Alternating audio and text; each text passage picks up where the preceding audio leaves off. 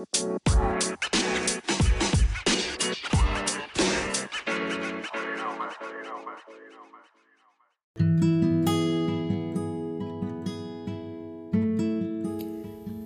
assalamualaikum warahmatullahi wabarakatuh. Ketemu lagi dengan Bang Andres di sini.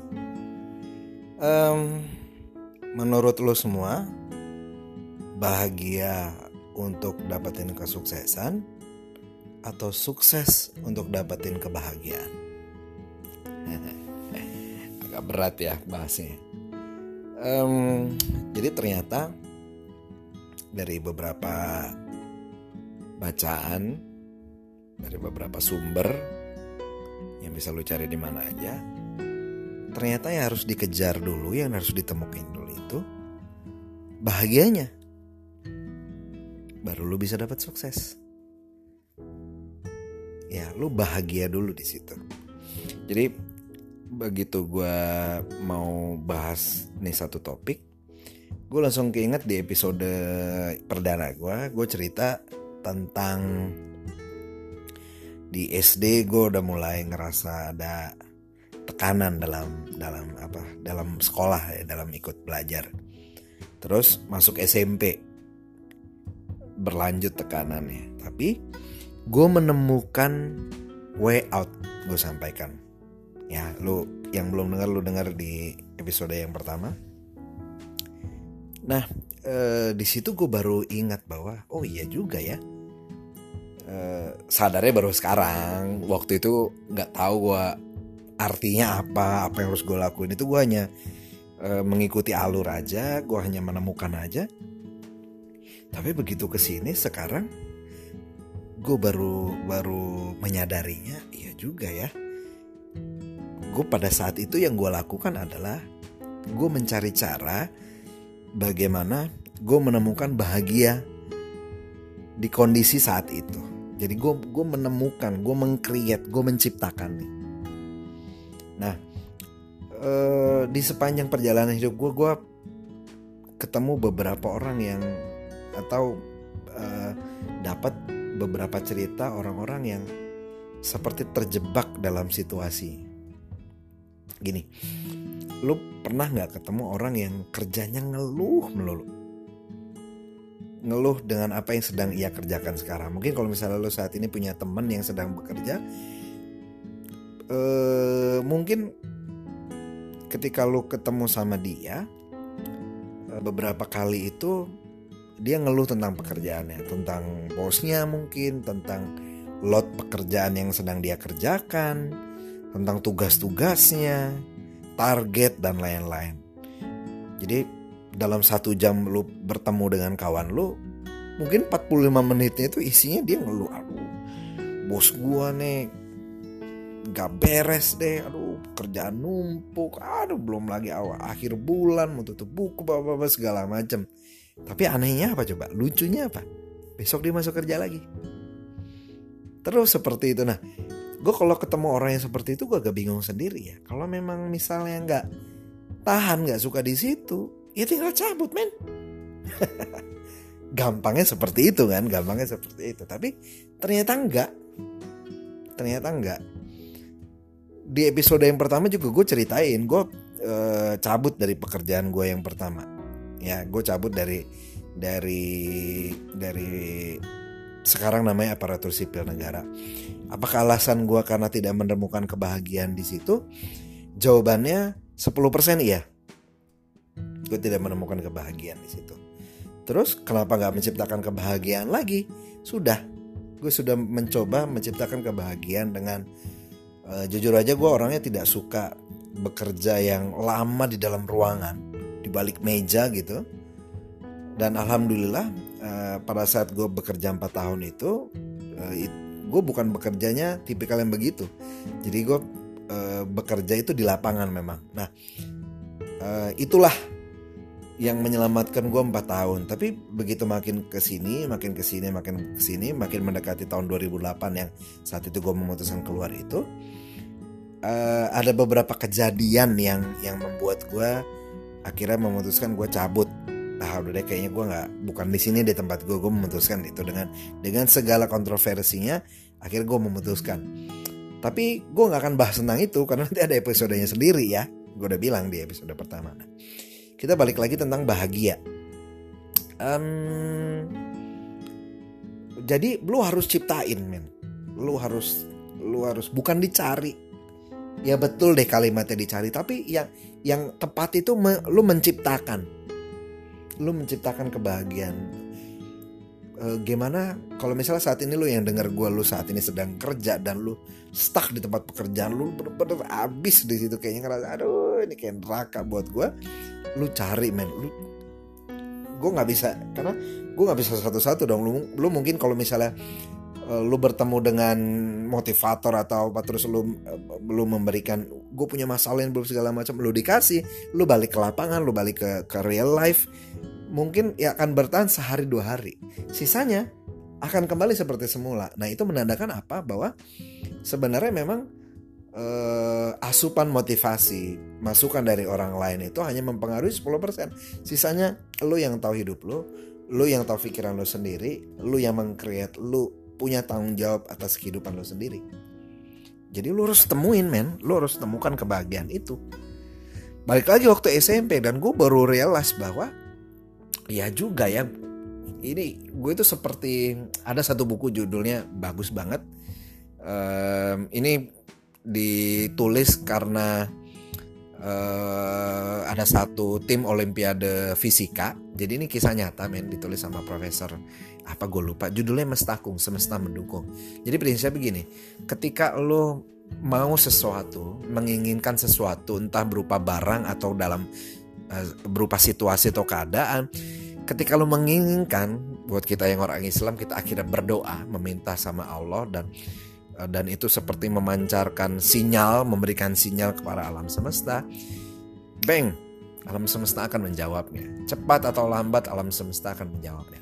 Persis seperti yang gue lakukan waktu SMP ketika masuk SMP di kelas 1 karena SD memang bibit bibit bingung nih mau ngapain itu udah tercipta uh, jadi gue berpikir aduh waktu kelas 1 itu aduh gimana ya caranya ya? Uh, gimana ya caranya? Akhirnya uh, berjalan terus mengirimkan sinyal tuh. Aduh nggak bisa nih udah mulai kan masuk pelajaran fisika biologi bener bener bener deh.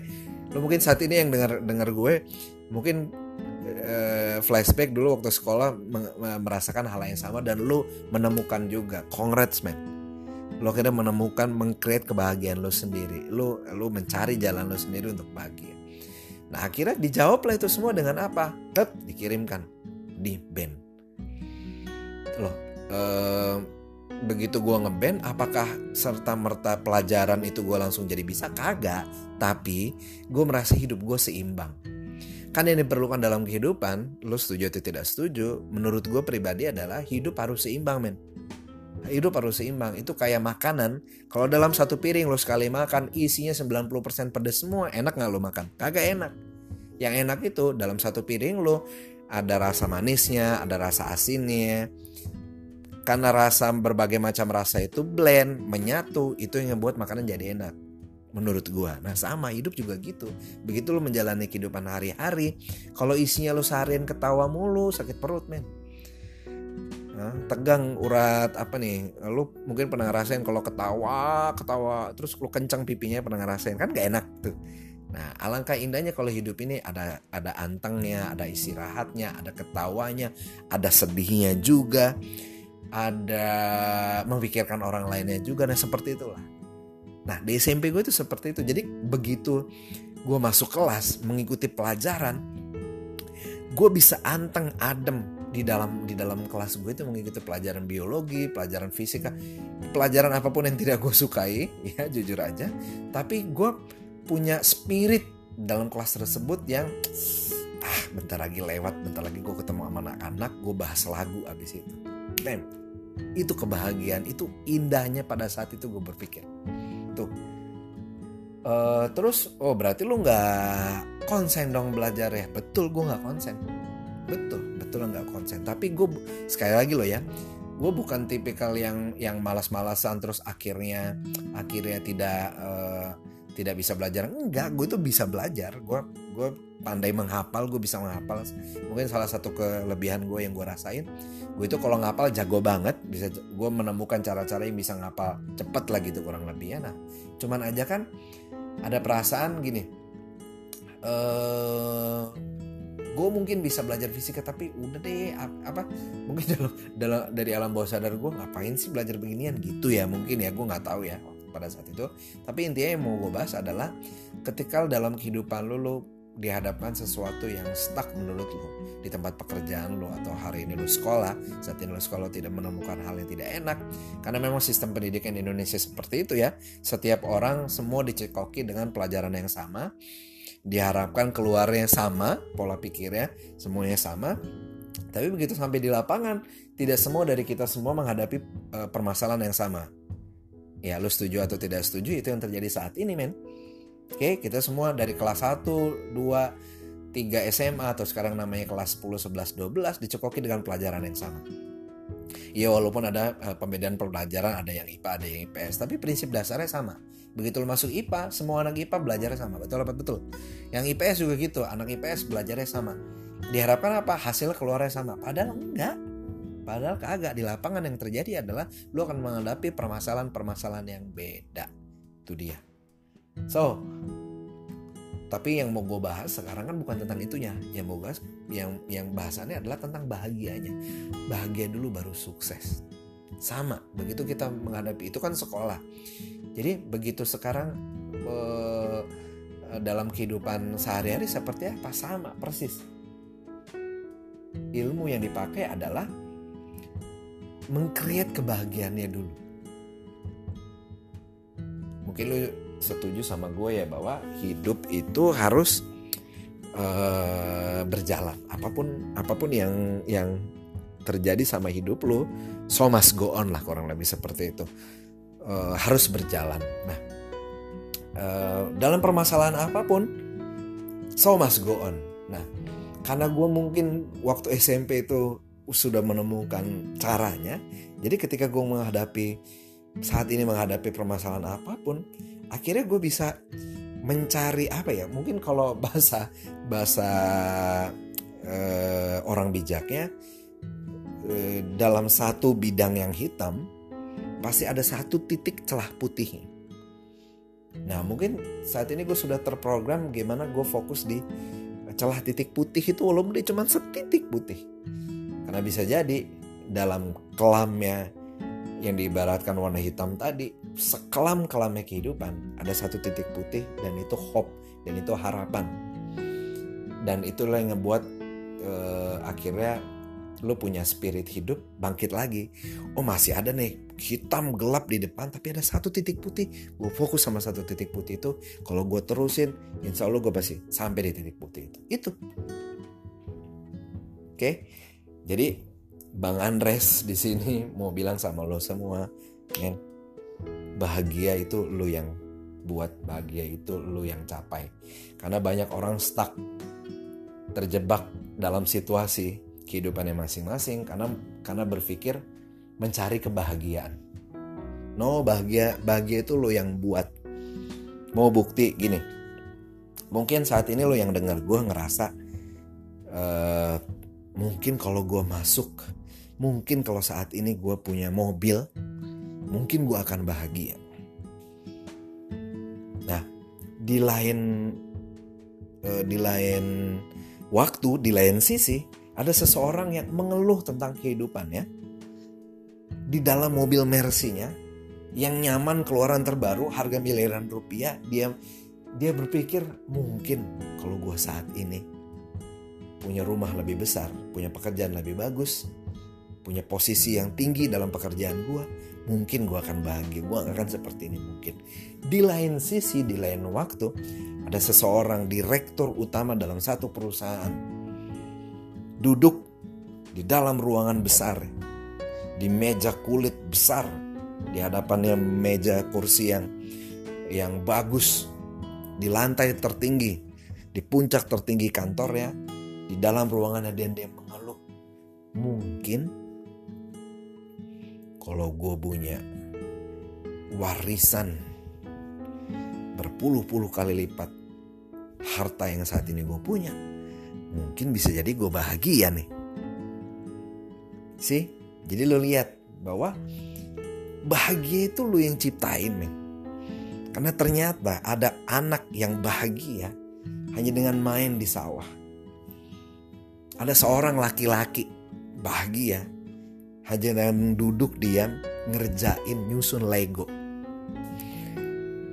Ada cewek yang bahagia hanya dengan mengulik resep masakan baru. Dan ada kakek bahagia hanya dengan mengerjakan taman di halaman rumahnya. Sih, bahagia itu bukan lo cari, tapi bahagia itu lo yang ciptain. Lo yang ciptain. Men, hidup terlalu singkat kalau lo cuman mencari sesuatu yang sebenarnya nggak perlu lo cari ada di dalam hati lo sendiri. Karena bahagia itu datangnya dari sanubari paling dalam. Sanubari paling dalam. Oke? Bang Andre cuman pesan bahagia jangan dicari jauh-jauh. Bahagia.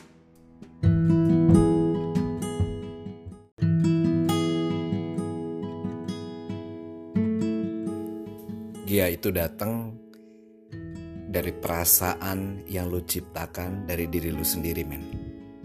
Bukan dari orang lain, bukan dari karena lingkungan sekitar, bukan karena orang-orang membuat lu bahagia, tapi karena lu memutuskan untuk buat hidup lu bahagia. Selamat mengejar kebahagiaan-kebahagiaan lu. Selamat menciptakan kebahagiaan-kebahagiaan dalam kehidupan lu. Bang Andres, Assalamualaikum warahmatullahi wabarakatuh.